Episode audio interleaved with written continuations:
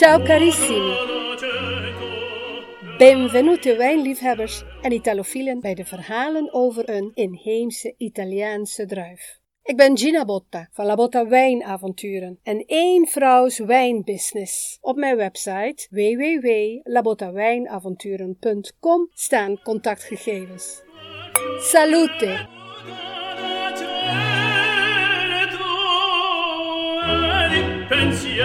Ciao carissimi! Vandaag ga ik niet het verhaal vertellen van één inheemse druif. Vandaag ga ik het hebben over twee inheemse Italiaanse druivenrassen die verwerkt worden tot de zoete wijn. Nee, nee, niet weggaan. Als u een wijnliefhebber bent, dient u dit uit te zitten.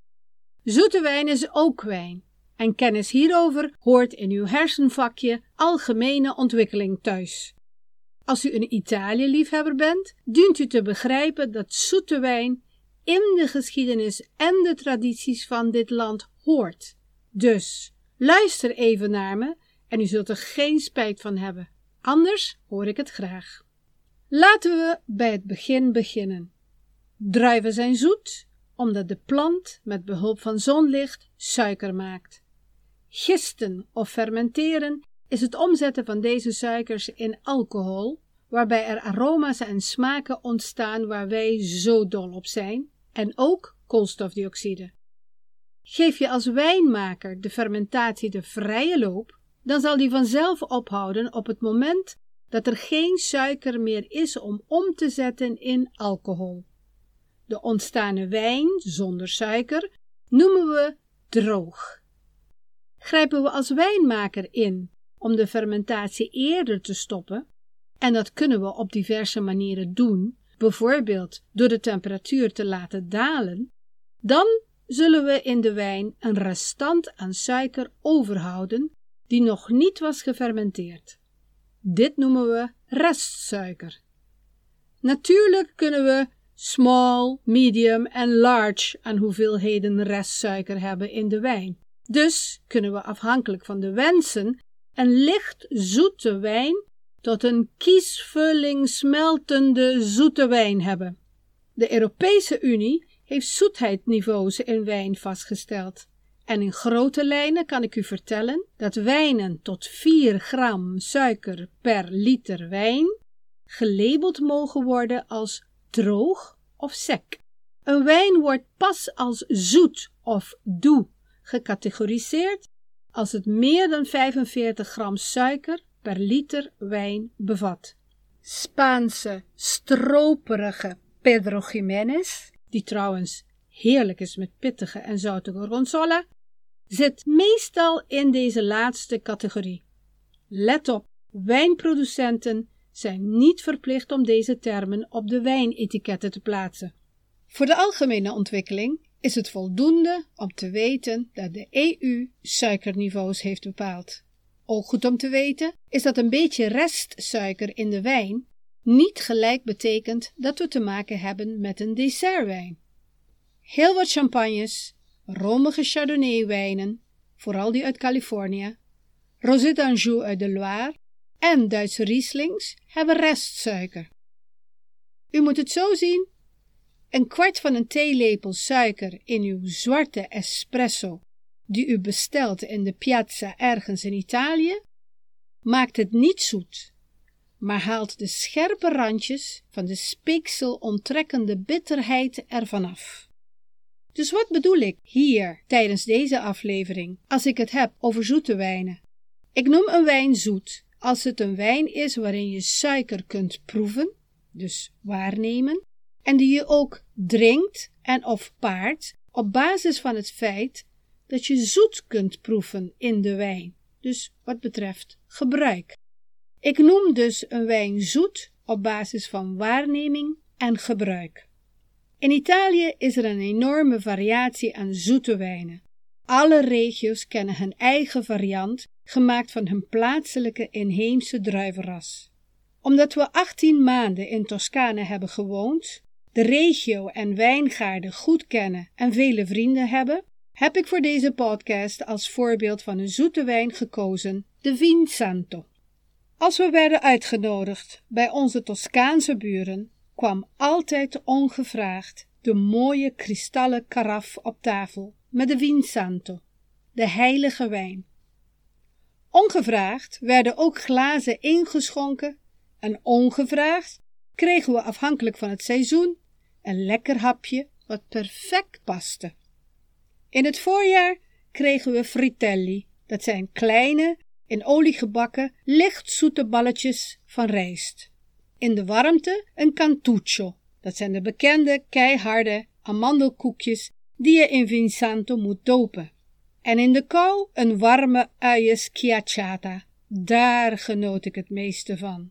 Van de combinatie zoute uienbrood en de zoete wijn. Mm, mm, mm. De meeste van onze buren zijn zelfvoorzienende boeren en maken hun eigen Vinsanto. Van Marino, Graziella, Papino, Enzo en Alda heb ik de beginselen van het maken van Vinsanto geleerd en de traditie in relatie tot deze wijn ervaren. Deze heilige wijn is de Toscaanse wees welkom wijn.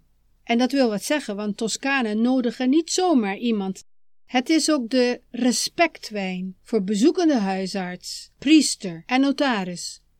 En verder wordt het door de boerenfamilie zelf als dessertwijn gebruikt bij lang natafelen.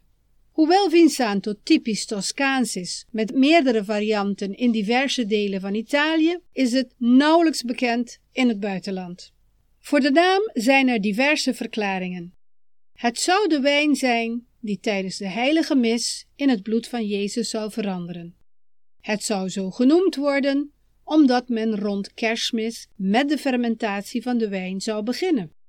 Het zou de wijn zijn die jaren later voor religieuze feesten zoals doopsel, heilige communie, kerstmis en of Pasen voor het eerst uit het vat werd gehaald om te drinken. Het is in elk geval een wijn die gekoppeld wordt aan de tradities van de katholieke kerk. In Toscane is Vinsanto meestal het resultaat van een blend van de witte druiven Trebbiano Toscano en Malvasia Bianca Lunga, beiden inheemse Italiaanse druiven. De kleur van de wijn is goudgeel of oranje, amber, afhankelijk van het aantal rijpingsjaren. Heel zelden wordt er ook Sangiovese bij de blend gebruikt. Dan krijg je een soort rode, roodbruine Vinsanto. Marino vertelt dat het importantissimo is, van enorm belang, dat de druiven bij de oogst allemaal volrijp, gezond en gaaf zijn. Geen tros met rijpe en onrijpe druiven door elkaar of gekneusde druiven, dat mag je niet gebruiken uit angst voor de aantasting door muffa, schimmel. De intacte druiven worden voor een paar maanden gedroogd door ze op te hangen of ze te leggen op rieten matten of in houten of plastic kratten. Door de druiven langzaam te laten drogen in goed geventileerde ruimtes gaan ze niet schimmelen. De verschrompelende druiven verliezen hun vocht, waardoor er suiker geconcentreerd achterblijft.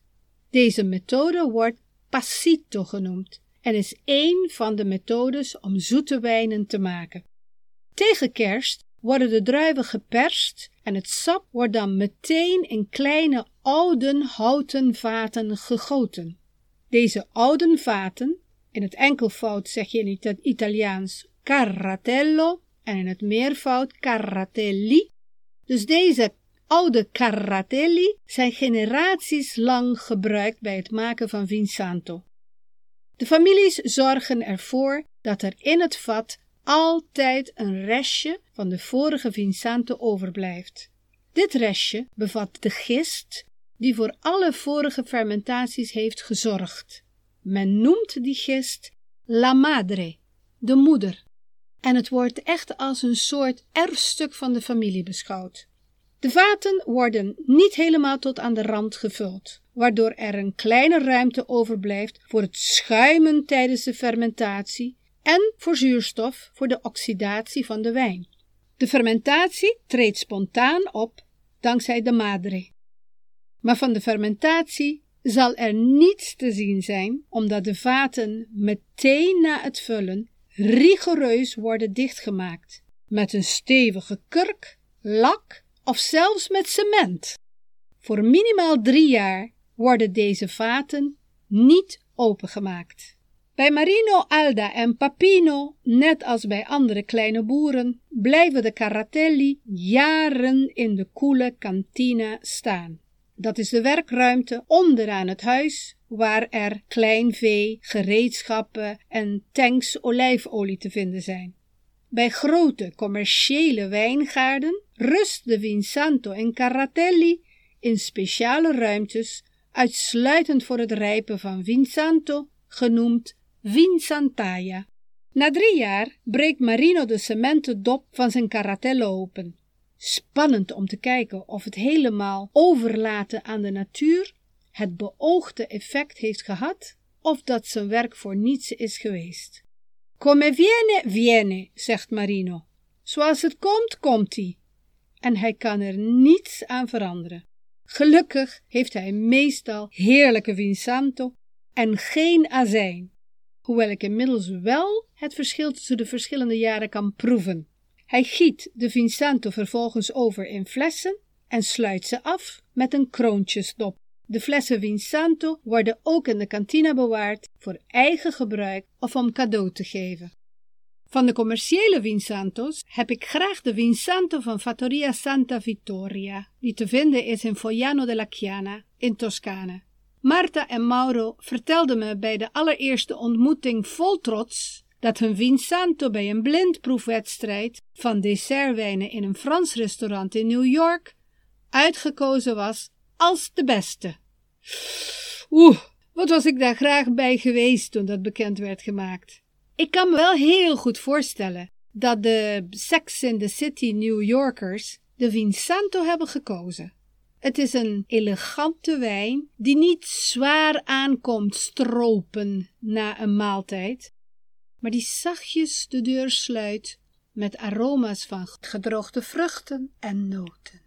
In de mond voelt het fluweelachtig aan, heeft het een goede balans tussen zuren en alcohol en een palet van smaken, zoals gedroogde ananas, gedroogde sinaasappel, pruim, vijg, noten, zoals amandel, walnoot en honing. Het bedrijf van Santa Vittoria bevindt zich in een eeuwenoude boerderij, die vroeger eigendom was van een adellijke familie. In de grote bakstenen schuren hebben ze de functies van de ruimtes zoveel mogelijk behouden. Dus de Vinsantaia, weet u nog, de ruimte waarin de Vinsanto rijpt, is ook nog steeds de Vinsantaia, met bijbehorende muren vol schimmels. De familie heeft oude houten vaten verzameld en gekocht. Deze vaten werden door vele andere families gebruikt voor de rijping van Vinsanto en ze hebben ze gekocht met de madre. Dan waren ze duurder. Maar ze hebben ook bijvoorbeeld uit het buitenland houten vaten gekocht waarin er whisky en cognac hebben gerijpt. In tegenstelling tot de kleine boeren die de Vinsanto drie jaar ongemoeid in de Caratelli laten liggen, verplaatsen Mauro en Marta hun Vinsanto-wijnen tijdens hun rijpingsproces van vier jaar een paar keer van vaten. Het lijkt een beetje op het Solera-systeem dat ze in Spanje gebruiken bij het maken van Jerez, van sherry. Hierdoor maken ze hun Vinsanto complexer van aroma's en smaak in vergelijking met de boeren Vinsanto. Persoonlijk ben ik dol op lang natafelen. En Vinsanto is daarbij een favoriet in onze familie. Vooral een schoonzoon ziet graag een fles opengaan. Bij een proeverij vergelijk ik graag de Vinsanto van de traditionele boeren met de commerciële Vinsanto of met andere zoete wijnen uit mijn assortiment, zoals de Butoni, gemaakt van de Aleatico, of de Sempre Bon van de Lambrusco. Op mijn website kunt u onder het tabblad Podcastwijnen de Vinsanto van Fattoria Santa Vittoria vinden. Niet alleen kunt u het proeven bij het luisteren van deze aflevering, maar omdat het lang lekker blijft nadat de fles is geopend, kunt u ervan genieten op het heerlijke avondje en met kerst. U kunt het ook op zijn Toscaans in een mooie karaf gieten en het geheel volgens traditie als welkomstwijn inschenken. Salute!